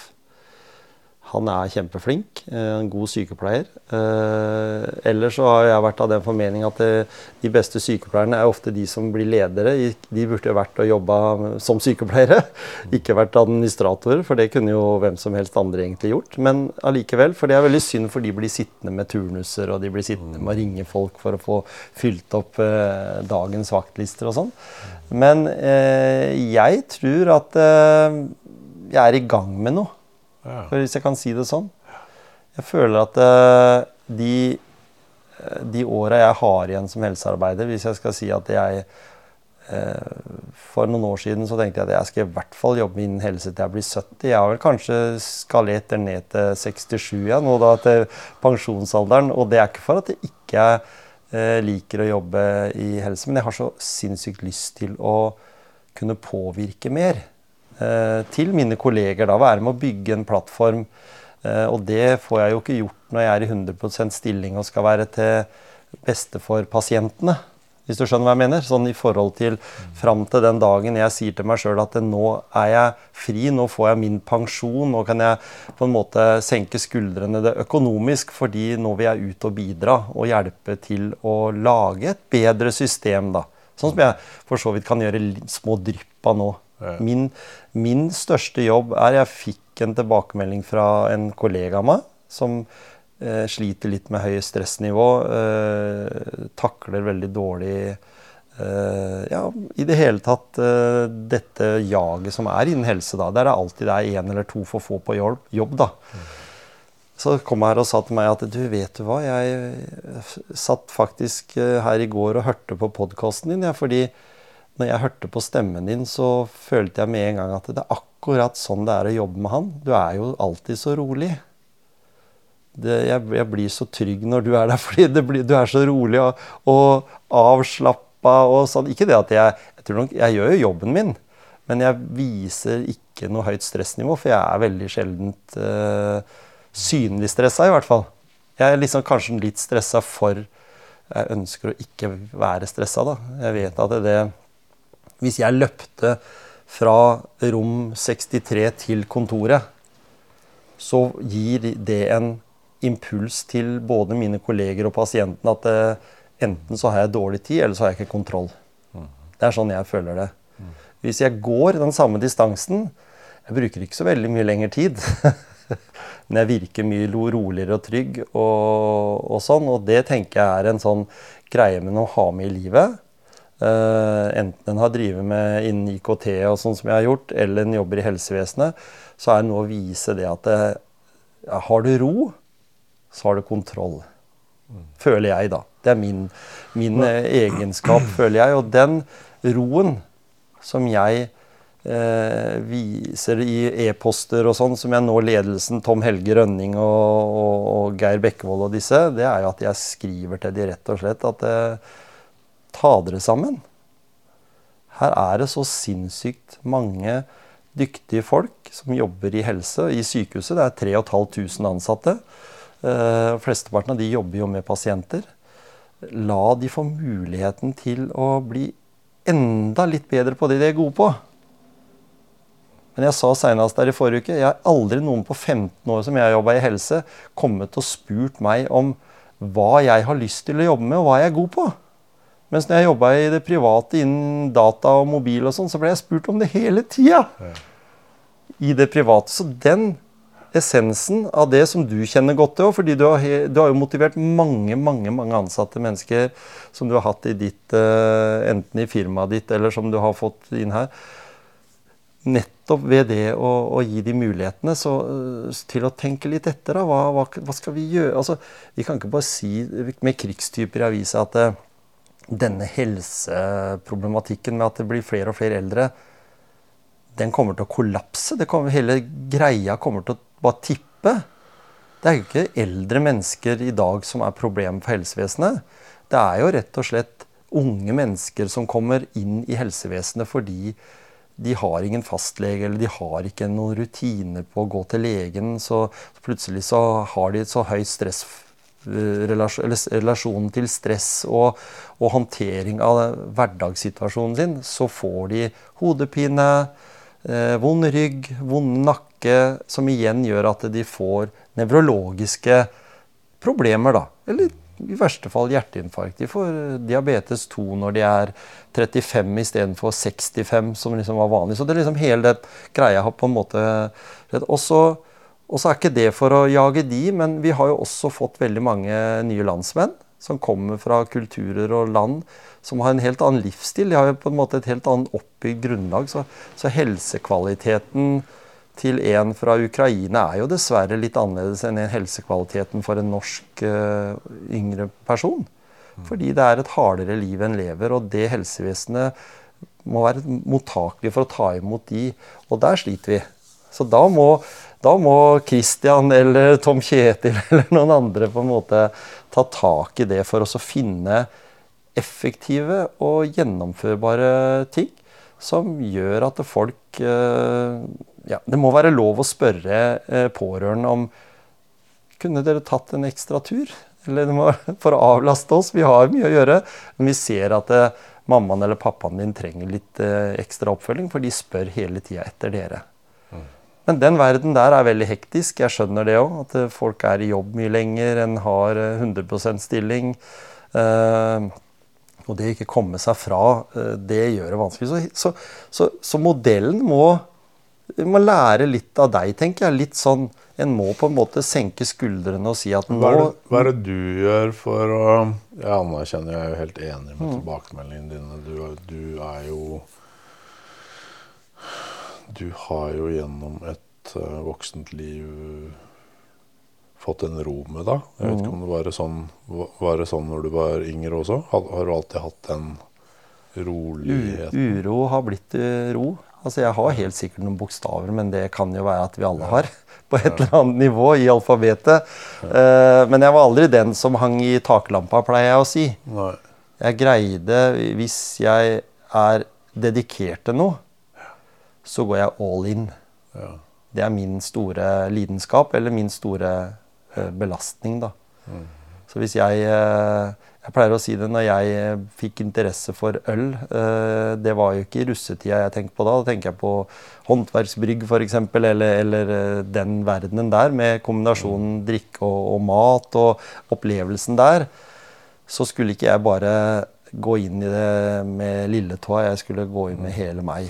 Så, så, jeg, så, jeg, har jo en eh, Er det kona mi sier? Du har asperger på smaker, fordi jeg kan alle smakene jeg har smakt. Sikkert noen ja. tusen øl. Ja. Og det kan jeg fortelle og formidle videre da, til ja, folk jeg holder foredrag for. Og det er jo en sånn én-ett element, fordi når jeg først begynner å trene med noe, så er jeg så dedikert til det at uh, jeg går liksom all in. Da skal jeg være med i Marcialonga fordi jeg begynner å gå på ski. Ja. Og så får hun hjemme, da. Hun får liksom dratt meg ned. Når jeg er heliumballongen, så drar hun meg ned. Ja, ja. Og så sier hun til Tom Kjetil eh, Er det noe vits? Kan du ikke bare gå på ski, da? Og så får jeg det, følelsen at det, jo, hun har jo rett. Så, så, så, så, god veiledning, så holder jeg meg liksom i skinnet, på en måte. Mm. Men jeg er jo enormt uh, jeg blir også engasjert. Jeg blir engasjert av å se videoene dine som du legger ut. Mm. Uh, og nå når jeg har fått være her hos deg, så er jeg jo enda mer engasjert. Jeg ser du har kvarts på bordet der som jeg vet er mye energi. Altså, jeg ser de energielementene som, som jeg gjerne skulle brukt hva, hva, er det, hva, er du, hva, er det, du, gjør da i for du kjenner jo også, i likhet med andre, at uh, det er jo ikke bestandig den kjenner seg like rolig. Og, og, da, når den ikke er der, så, så ønsker den jo også tilbake til det stedet som det føles godt å være. Hvor, hva er dine virkemidler? Hvordan håndterer du det å komme utenfor balansepunktet ditt? Rolighetspunktet ditt? Mediterer en del. gjør det. ja. Det begynte jeg med for 14-15 år siden. Jeg merka at eh, terskelen for Når jeg kom hjem fra jobb og jobba i helse, så var det en kombinasjon av at du var sliten, men allikevel masse frustrasjon. Fordi du skjønte at her trenger vi så mange flere, og vi trenger så mange flere dedikerte mennesker enn det vi hadde mulighet til. For det var økonomistyrt. Alt er jo det. Men nå har jeg etter så mange år eh, akseptert det og finne ut at det å meditere og, og, lande for meg, det gjør jeg best ved mine egne metoder i forhold til meditasjon. Og det kan være en sykletur, eller det kan være en uh, tur i skauen rundt uh, fem kilometeren i fritidsparken i Skien. Eller, ja. eller uh, med bare klokker på, på, ørene og så høre på en god del sånn lydfrekvenser. Det har jeg veldig god effekt av. Jeg er jo, som du sikkert har fått med deg, veldig forkjemper av at det er, for, det er, så mye forestillinger der ute på hva som er yoga, og hva som er mm. meditasjon, og alle de der konseptene um, som nå sprer seg i samfunnet. Det fins jo De aller fleste har jo fått med seg at det her kan være lurt å være opptatt av på en eller annen måte. Mm. Og, i, og, gjennom det så har jo da det kommersielle samfunnet og informasjonsstrukturene prøvd å ta eierskap rundt hva det er. Mm. Og det, det, ser ut som kurs og podkaster og bøker og det ene med det andre. Uh, og det er veldig mye bra med det. Mm. Men det må ses på som verktøy inn i noe som er ens eget. Mm. Fra mitt uh, perspektiv så er det Jeg sitter veldig sjelden og mediterer som den klassiske meditasjonsprosedyren. Uh, og yoga ser uh, ikke ut som et program som du finner i et studio, men jeg vil hevde at jeg er ganske mye råere enn det enn de fleste av de mm. lærde. Mm. For det å ha kunnskap rundt det området der, det har en viss verdi, særlig i en innledende fase, men det har også en stor begrensende kraft når den skal utfolde seg i det til Gud, til mm. seg selv. Um, så jeg vil liksom anbefale alle der ute å med nysgjerrighet finne ut hva er det som gjør godt i livet. Mm. Uh, og se hvor, hva slags virkemidler musikk har nevnt, kan putte inn i det for hvor langt er, tør vi å slippe oss ut i oss selv uten at hodet skal skanne foran og bak. Mm. Uh, for det kan se ut veldig forskjellig. Og, og der får vi jo tilgang til mer av oss selv. Og mer, hvorfor skal den ha tilgang til mer av oss selv? Jo, er, det er diggere der. Det er deiligere der. Og den får utretta mer. Mm. Mer av det vi har lyst til, og ikke det vi må, som er din uh, greie. Og da er mitt spørsmål videre til deg òg, for jeg hører du resonnerer liksom rundt både jobb og privat og den tjenesten du har med podkasten og foredraget og sånn. Men når jeg da skjønner at via roligheten din og en del praksiser, så får du jo Så hender det jo det skyller over av med noen større perspektiver. Mm. Det, for, det, som heter manifestasjoner. Mm. Når følelsen ikke er en strategi lenger, men noe som har satt seg litt i kroppen, som føles mer ekte enn det tankemessige. Mm. Hva er det som skjer i deg da, når du, når du får liksom disse det der foran som du kjenner fra magen og hjertet at du skal, hvordan ser det bildet ut for deg i dag? Ja, det er jaggu et godt spørsmål. Det uh, Nei, altså hvis, det, hvis, jeg skal si det, så, så, så tenker jeg at uh, hvis, hvis, andre menn... hvis, hvis Kjersti, da, kona mi, Eh, skulle si noe om meg, så ville nok hun sagt det samme. At, eh, at, at hun har alltid brukt meg som den eh, som sier at det ordner seg. Dette går greit. Jeg har jo stått i det, ikke i så stor skala som deg, altså ikke 100 millioners eh, men jeg har jo stått i virksomheter jeg har etablert som jeg har hatt så dedikert hjertet mitt i, eh, men ikke ikke antageligvis nok, så det har gått gærent. Jeg har ikke dratt med meg veldig mange mennesker. Jeg har stort sett stått for de tapa sjøl. Sånn av egen, av egen sparekonto og, og sånt noe. Men, men allikevel så, så, er det litt vanskelig for meg å tenke på at Og, og så finne meg sjøl oppi det der, som du sier. For jeg er liksom en sånn arbeiderklassefyr. Som... Det, som du, det som du gjorde nå, hvis jeg skal få lov til å leke litt med deg ja at når du fikk det spørsmålet som, som blei ble litt spennende, for du er ikke helt vant med å få Nei, spørsmål på podkasten din, og jeg syns det er veldig fint, fint å være der. Men da gikk programmeringen din direkte over i skapelse i form av penger ja, og prosjekter. Ikke sant? Men det var ikke spørsmålet mitt. Nei. Så det, der, fikk vi, der fikk vi synliggjort en sånn ganske sånn En tydelig og totalt normal programmering. Ja. Eh, på forestillingen om ja, vår hva skapelse sant? er for noe. Ja, for jeg begynte liksom å tenke på Jeg, jeg måtte leite veldig, og så da poppa jeg over det. Var best, sånn. Det var bestefar og de sine forestillinger ja. om hva jeg skal få til. Mm. Ikke sant? Uh, men, men allikevel, da, de faktorene da, som, som, du snakker mye om kjærlighet. Mm. Du snakker om øh, kroppen fysisk uten hode. Altså hjertet, kjærligheten. Men hvis vi går sånn og spør en lege om det, da, så ville han sagt at alt er jo styrt av hodet, hjernen. Mm. Men ikke alt. Du kan si Det her er nok en gang gjenstand for hva slags menneskereise har vi? Mm. Noen har et fantastisk liv og tjeneste eh, for verden de lever i. Mm ved å ha en intellektuell tilnærming til alt.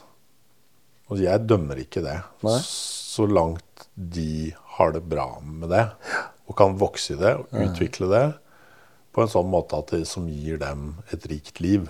Mm. Uh, og mens andre er laget for noe annet. Altså det, det vil være forskjell på bakeren og jegeren og osv. Så, videre, og så, videre. så vi er, vi er forskjellige. Ja.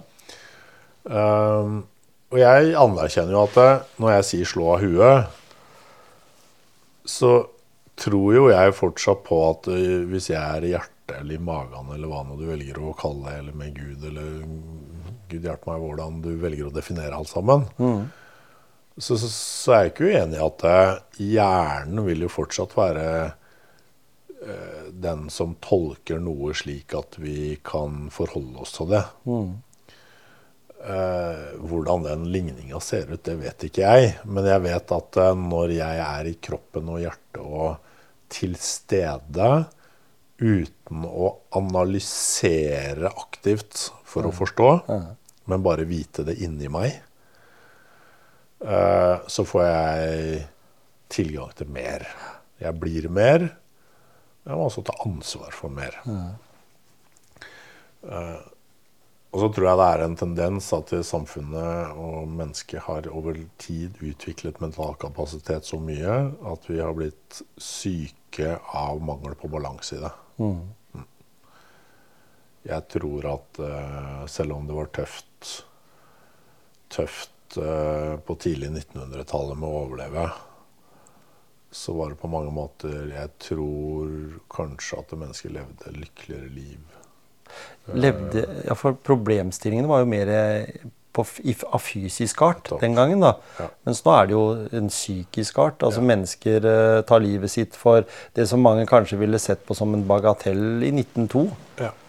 Så det er masse gleder i 2024. Så har du liksom du kan dra på ditt, og du kan kjøpe datt, og du kan flytte til andre sida av verden, og du kan det ene med det andre. Mm. Det er masse fint med så det er jo sånn, jeg, jeg vil jo leve nå.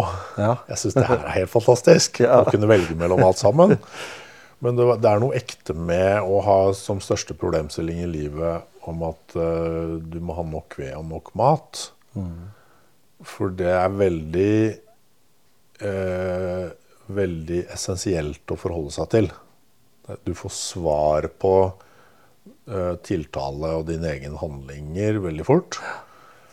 Og det er ikke alle disse det er, det er, ikke på langt nær så mange forestillinger som vi har blitt proppa huden og huet fullt med om hva som er bra og dårlig. Mm. Alle med, sosiale mediene og alle nyhetsmediene som er proppfulle av informasjon som, av såkalte eksperter som eh, baserer seg på gammel evolusjon. Ja. Eh, og alle kravene til at vi skal være like eller sånn. sånn det, jeg tror ikke det var De hadde ikke den problemstillingen tidlig 1900-tallet eh, på samme måten.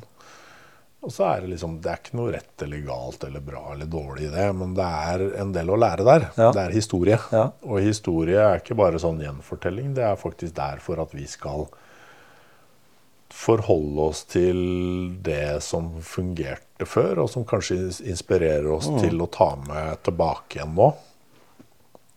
Og det er jo våre oldeforeldre levde jo da. Det er ikke lenger bak. Det er ikke, det er én liksom, en sånn uh, baken for liksom. det er litt et splitt sekken i en evolusjonært forståelse. Ja, ikke sant? Det er ingenting. Det er ikke en liten, tynn strek engang. Nei. Hvor langt er du eh, Hvis en tenker sånn du, du, elsker jo å leve i nuet. Det er lov å si det. Eh, men hvor langt er nuet, da? Det er jo evig, det. Ja, Nuet var jo uh, alltid. Men fra dag til dag? Så det vil si at eh, du sitter her nå i dag eh, og ikke helt er Du er ikke så veldig opptatt av hva som skjer i morgen, eller? Altså, Hvordan ser avtaleboka di ut da, hvis en tenker sånn?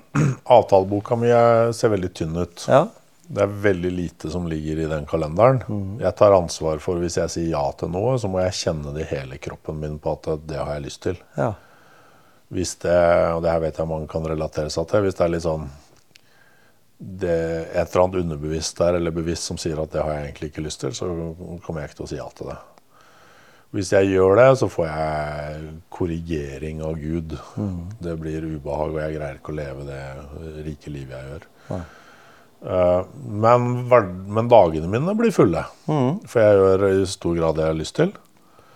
Eh, Så at dagene mine flyter veldig sånn Det blir masse skapelse, og de kan være ganske fulle. Og det kan til og med hende jeg kjenner på en form for slitenhet eh, utpå ettermiddagen.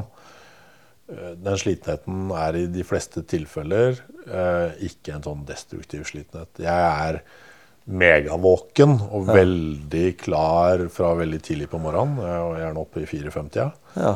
Eh, og den første halvdelen av dagen, da er jeg i mitt mest kraftfulle. Og så kommer ettermiddagen, og nå særlig så går jo, forsvinner jo lyset. Og da ville den samtalen her sett helt annerledes ut. Mm. Så jeg følger naturens syklus i veldig stor grad, og hvis jeg ikke gjør det, så får jeg tilsvar på det fra Ja. Gud og meg sjøl. Men når er, du, når er du på en måte Når er du den beste utgaven av deg sjøl? Det er jo veldig populært av mange å si. Når er du den beste utgaven av deg selv? Jeg har nok mest glede av uh, morgentimene og lyset som kommer sakte, men sikkert. Det er da jeg har mest tilgang til meg selv. Ja. Og så vil jeg jo ha det gjennom dagen også, øh, og kvelden og natta, hvis det er det som hvis det er det jeg har virkelig lyst til. Sant? Men ofte så går jeg litt roligere mode ut dagen, og det er jo også sånn Det er, det er jo naturlig, for vi har jo en energi som skal brukes til noe, og så skal den jo lades igjen på et eller annet tidspunkt Ja. i form av søvn og hvile. Mm. Så jeg hengir meg i veldig stor grad til det til dagen og det som den kommer med til meg. Men det krever at jeg tar ansvar for den, da. Og så sier eh, Styrer mot det jeg har lyst til, og styrer unna det jeg ikke har lyst til. Og det høres jo veldig glamorøst ut. Det er det på mange måter, men det har også en del konsekvenser med seg. Det betyr jo at noen ganger så er det jo nære venner eller relasjoner som jeg ikke har full kroppslig ja til å si ja til en eller annen invitasjon. Det betyr ikke at det er noe personlig av den grunn, men det er jeg hengir meg til en større syklus av informasjon som jeg ikke nødvendigvis greier å analysere mentalt. Men jeg må lytte til det kroppen min, hjertet mitt og Gud forteller meg at jeg skal gjøre. Fordi at og det er ikke sikkert at jeg får tilsvar på den beslutningen der og da, eller dagen etter eller uka etter. Kanskje den kommer et år. Men det her er jo et kvantefelt mm. som inneholder et hav av brikker. Og det er ikke opp til meg å styre de brikkene. Da blir jeg sliten og syk. Ja. Men hvis jeg hengir meg til at jeg tror på at det er en mening med at min sanseapparat sier ja mm. eller nei til forskjellige ting, så blir jeg belønnet med veldig store gaver. Mm. Og de gavene er verdt mer enn de konsekvensene. Det hender jo f.eks. at jeg ikke har lyst til å, kjenner at jeg har lyst til å sette meg med PC-en og betale regninger. Ja. Uh, og da er jo konsekvensen veldig tydelig at det kommer purregebyr. Men det kan jeg leve med. Ikke fordi at jeg har så jæskla mye penger, uh, men fordi at belønningsstrukturen i at jeg velger å være meg, og den mm. skapelsen som kommer med det, den er verdt mer enn purregebyret. Ja. Eller en eller annen uff eller snurtete uh, forestilling i et eller annet menneske som ikke fikk tilgang til meg når den hadde forventning om det. Mm. Det kan jeg også leve med. Så lenge jeg velger meg og ikke For hvis jeg skal tilpasse meg andre sine behov for meg, eh, så lever jeg ikke noe rikt liv, og jeg kommer ikke til bordet med den beste versjonen av meg selv. Det kan hende jeg ender opp med å da være i en situasjon som jeg blir litt irritert. eller mm eller sliten. Jeg har ikke tenkt til å degradere meg selv til at noen andre sine behov skal gjøre meg irritert eller sliten. Da er det plutselig de som bestemmer over mitt liv. Mm. Det vil jeg gjøre sjøl. Hvis, hvis, du hører på podkasten du hadde med Erik Bertrand Larsen, så snakker dere jo der om eh, eh, de smertene som du følte var vanskelig å håndtere når du var i ditt forrige liv, da, hvis en kan si det. At du var jo samme livet, men i den versjonen av det. da. Mm. Eh, er du langt, langt unna å føle Være i nærheten av de smertene i dag? Ja, de fins ikke. Nei, ikke sant? Men de kan komme hvis jeg avviker noe fra det jeg nettopp formidlet. Mm. Så kan de komme sånn uh, på besøk. Ja. Uh, og det kan tidvis Jeg kan få vondt i ryggen ganske intenst mm. hvis jeg har avviket fra meg selv. Ja. Uh, men jeg ser det veldig fort, og jeg tar ansvar for det fort. Og da forsvinner det veldig fort. Mm. Så det er ikke en problemstilling, det er en gave. Ja, ikke sant? For der er jo, og det må jo mange av lytterne mine ta som en litt sånn motivasjon fra denne samtalen, da, det er at lytt litt til de signalene i kroppen. For det er veldig mange, vet jeg, som jeg har snakka med, som eh, har du hatt spiseforstyrrelser en gang i livet, så går du hele tida og er engstelig for å få det igjen. Mm. Eh, og de går og kjenner etter. Eh, har du hatt et, en, vært i kjelleren, da, eh, eller gått på veggen, eller hva skal si, en av de løsningene der, så er det mange som sier at de er livredd for å få den følelsen igjen. For det var så vanskelig å komme ut av det. Kan du, kan du komme med noen tanker ja, rundt det?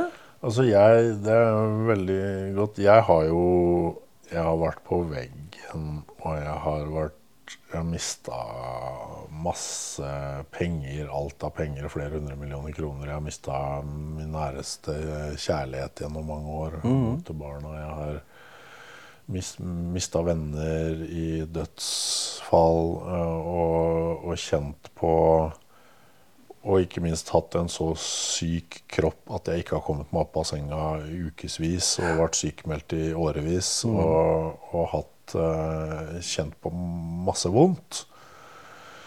Um, og så Så jeg, jeg, kan Og jeg vet det er veldig mange der ute som har ordentlig trøblete helse og liv. Uh, det, det som jeg har heldigvis greid, er å komme over den kneika der jeg ser meg selv som et offer ser meg selv som uheldig. Mm. At uh, enten peker mot oppvekst eller erfaringer før eller relasjoner som har gjort meg vondt osv. Når vi sitter i de sannhetene, så er det det samme som å ikke ta ordentlig ansvar sjøl. Mm. Og så er det ikke så lett å ta det ansvaret. Uh, for mange har det så vondt at det, liksom, de skjønner nesten ikke hva jeg prater om. Det de går på en måte ikke inn.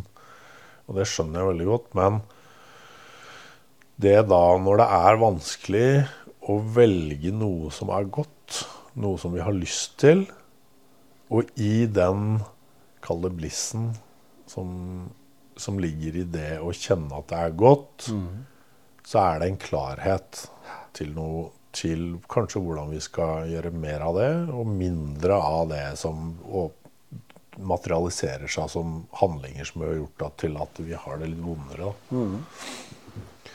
Um, og da Når den øver seg på det her, for det er en sånn kompetanseøkning, en muskulaturøkning som ligger i det, mm. det, det blir, Du blir ikke bedre på det hvis ikke den begynner å øve seg på det og trene på det. Når den Når den da øh, gjør det, så blir kompetanseøkningen en balanse til smerten. Mm. Som gjør at den får etter hvert kommer, får tilgang til takknemlighet for at den nettopp har vært i den situasjonen. Hatt spiseforstyrrelsene eller hatt sinnet eller hatt angsten. Fordi at det har invitert oss til å øke en kompetanse som vi tidligere ikke hadde. Mm. Så jeg tror jo virkelig på at alle sånne type vanskelige ting i livet er en gave. Men det fordrer at vi trener oss og øker kompetansen og muskulaturen på å bli noe mer i møte med det. Mm. Og da, hvis når vi gjør det, så er det ikke lenger noe vi ser tilbake på og er redde for at skal skje igjen. Fordi at det har blitt en del av oss. Og vi har fått et mest sannsynlig et rikere og bedre liv pga. Mm. det som har skjedd.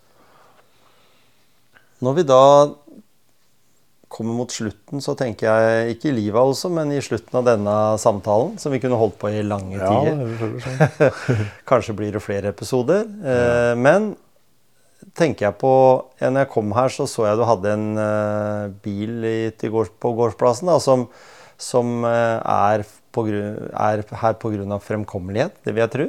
Den må komme fram på et sånt område som dette er. hvis den kan ikke sette begrensninger på det. Men eh, hva, hva, gjør du når du lader best sjøl?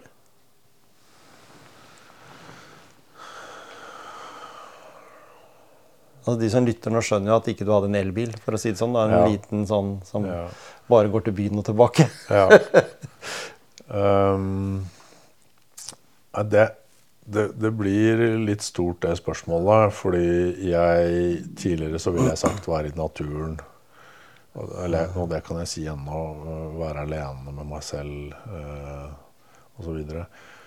Det som er sant for meg, er at jeg eh, Når jeg tar med meg tilstedeværelsen inn i, inn i livet mitt, mm. så får jeg signal på hva jeg skal gjøre. Altså jeg går litt jeg, jeg har fått gleden av å få leve et liv som ikke lenger handler om mine personlige Christian Sønstebø sine behov, mm. men en hengivelse til hvorfor jeg er her. Ja. Hva Gud vil at jeg skal gjøre. Ja.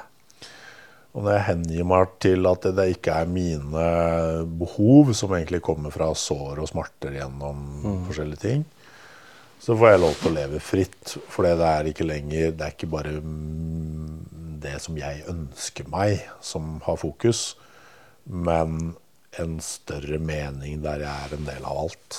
Mm. Når jeg får lov til å leve ut, uten disse forestillingene, slapper jeg veldig godt av. Enten det er å ta 100 kg i benkpress eller, eh, eller være sår og nær med noen mennesker rundt meg som trenger det. Mm. Uh, leke med barna mine, kose med dem. Eller med en kraft, eller en kraftfull irettesettelse fra et sted av, som trengs fra en voksen fra tid til annen. Alt det her må jeg hengi meg til. Mm. Uh, og det, da slapper jeg av uansett hva slags situasjon det er. Mm. Og så greier jeg det ofte, og ikke bestandig. Og så lærer jeg noe nytt. ja, ikke sant? Det er, gjort en del sånne undersøkelser. Eh, Bl.a. noe som heter Rådet for psykisk helse, har jeg hatt eh, i samtaler tidligere det elementet som gir mest energi til oss mennesker, viser det seg, det er å gi. Ja. Gi til andre. Ja. Tenker du at det er riktig? Jeg er helt sikker på at det er riktig. Og så vil aksen om hva det betyr å gi, det er en stor uh, utforskende reise. Jeg har vært innom mange av dem. Fra å være spandabel og snill og hjertevarm og ko komme med det å gi noe. Der jeg er nå, så vil jeg hevde at det ytterste jeg kan gi, det er å gi meg selv. Ja. Være meg så mye at folk både blir inspirert og glad og, og til å være mer seg. Men også i noen tilfeller så blir noen trigga av at jeg er mye meg. For det har de ikke helt tilgang til i seg selv, og da dømmer de meg som er sånn eller sånn, og kaller det ditt eller datt og klikka for den osv. Ja. Det er ofte da eh, et eh, Sånn jeg ser det. De sier jo det her stort sett ikke til meg, de sier sånn via deg eller noen andre. Ja, ja. Så er det et speil til dem selv om at uh, de er redd for å være seg. Og så blir de litt trigga av at jeg er såpass mye, og så er de jo ikke enig i det. Og det er ikke unormalt, for det, de er jo dem, de er jo ikke meg. Men jeg må jo for faen lov til å være meg som jeg vil, uten at eh, noen skal kalle det det ene eller Ja, ikke sant? Men hvis, hvis du tar det der spørsmålet, da, det å gi til andre Hvis jeg hadde spurt barna dine, ville de sagt at ja, pappa han gir mye av seg sjøl? Han, han, for det som er nemlig, mm, om, om ikke akkurat to på lista, så i hvert fall tett oppunder, det er at det er viktig at en at en ser andre mennesker. Altså den kjemien eller den energien da, som vi utveksler ved at du både gir til andre, som da blir veldig altså blir takknemlig. ikke sant? Jeg tenker jo at du gir av deg til barna dine ved at dere leker sammen.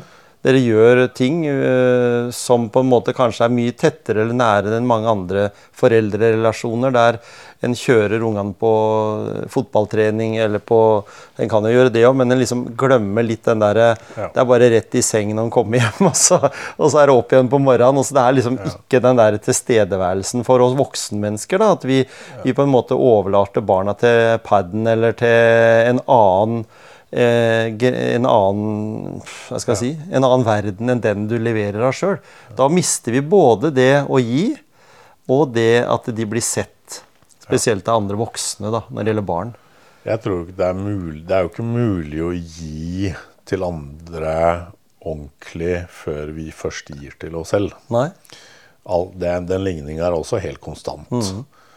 Vi kan ikke Vi kan ikke på en måte tilføre tilstrekkelig skapelse og hjelp til verden før vi har gitt tilstrekkelig skapelse og hjelp til oss selv. Det, det er 100% i balanse bestandig. Ja.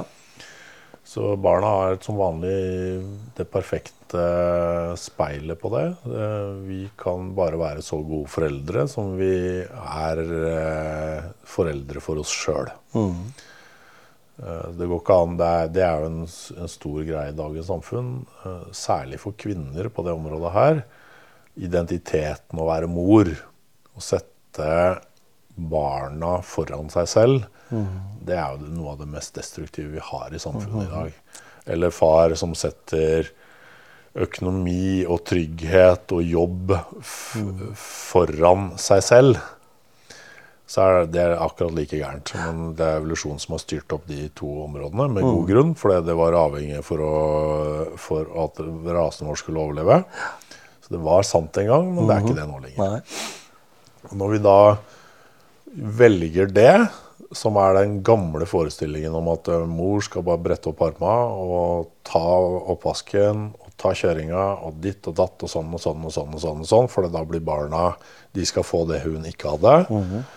Og så er det eh, da selvfølgelig barn som gjør akkurat det samme i sitt liv. Setter seg sjøl til side og velger barna foran. Og så blir egentlig alle sånn passe ulykkelig. Eh, og fa og pappa som har blitt eh, ta, fortalt av sin far om at han skal tjene penger og han skal holde det trygt, sånn at familien har det bra. Eh, og så er det egentlig ikke rikdom i verken kvinnen eller mannen sin forestilling om det her i dagens samfunn. Nei. Det var det for 50 år siden. Da var det rikdom i det. Men det har gått ut på dato. Så, så hvis vi da sier en regel som i hvert fall ikke gjelder etter dine normer, da, janteloven eh, Dette å få det kasta etter seg at det, Ja, men du kan jo ikke være så ego. Og sette deg sjøl først. Det er jo egentlig, etter min mening, også litt feil. Selv om samfunnet i Norge er jo liksom bygd på den at du skal først Ja. uh, ikke, Du skal aldri sette deg sjøl først, for da blir du litt sånn Petter Northug. Men det er mange måter å sette seg, sjøl uh, øh, først på. Ja, ja. Hvis en gjør det med en sånn uh, Fra et egoistisk perspektiv Mm. på en negativ måte om at det da er noen andre som tar regninga for det. ja. På, en, på en sånn måte så der du åpenbart har en, et usunt ego, Mm. så er det ikke noe tvil om at det er gjenstand for læring. Og det vil jo den, det livet og den personen få erfare på et eller annet tidspunkt. Ja, for egoisten og ego er to forskjellige verdener. Altså, Et ego, da er du veldig dypt inne i eksistensielle? Mm. prater som jeg vet ikke om vi skal gå så dypt i nå, men det, et, eh, det dypere laget av ego fra et naturperspektiv Nei, det vet jeg vi kunne hatt det inn i episoden om, bare Ja. det Vi har hatt en helt egen episode om det. trenger vi jo for å bevege oss videre og bli mer. All natur har et ego som ønsker å skape mer. Mm. Men så er det den derre biler og klokker og kvinnfolk og alt mulig. Sånne masse, masse, masse, masse greier for at den skal få anerkjennelse på et område i seg sjøl som gjør at den ikke kan ta, behøver å ta ansvar for såra sine. Mm. Det er et helt annen definisjon av ego. Og enten så er det sunt, eller så er det ikke sunt. Hvis den greier å være til stede i nået, så får den avsjekka sunnhetsgraden av sitt eget ego instantly. Hvis den lever oppi huet derimot, så får den ikke avsjekka det ego eh, underveis. Og da vil det kollapse forskjellige strukturer i livet ens på et eller annet tidspunkt. De læringene kommer. Jeg har prøvd begge deler. Du har prøvd begge deler. veldig trivelig og veldig ålreit å belyse de elementene vi har snakka om nå, Christian. Det som vi har fått snakke om, det kunne vi gått enda dypere. Men jeg tror nok at lytterne, når de går ordentlig inn i denne episoden Jeg vil anbefale dere som lytter på denne, at den, først så hører den på den én gang. Så hører den på en gang til. Jeg tror noe av det vi har snakka om her, det må på en måte det må tygges litt på, fordi en går dypere enn det en vanligvis kanskje gjør i en eh, Altså de som er vant til å høre på motivasjonspreik, i hvert fall. At vi går ett hakk dypere ned i den materien som vi syns er litt skummelt og litt uh, utrygt å rote nedi, da. Er det sant? Jeg tror Litt du har sånn? rett i det. Og det det mange, kom, det mange opplever ut fra de, sånne her type samtaler, er mm. at uh, det føles sant, men en greier ikke helt å forstå. Nei.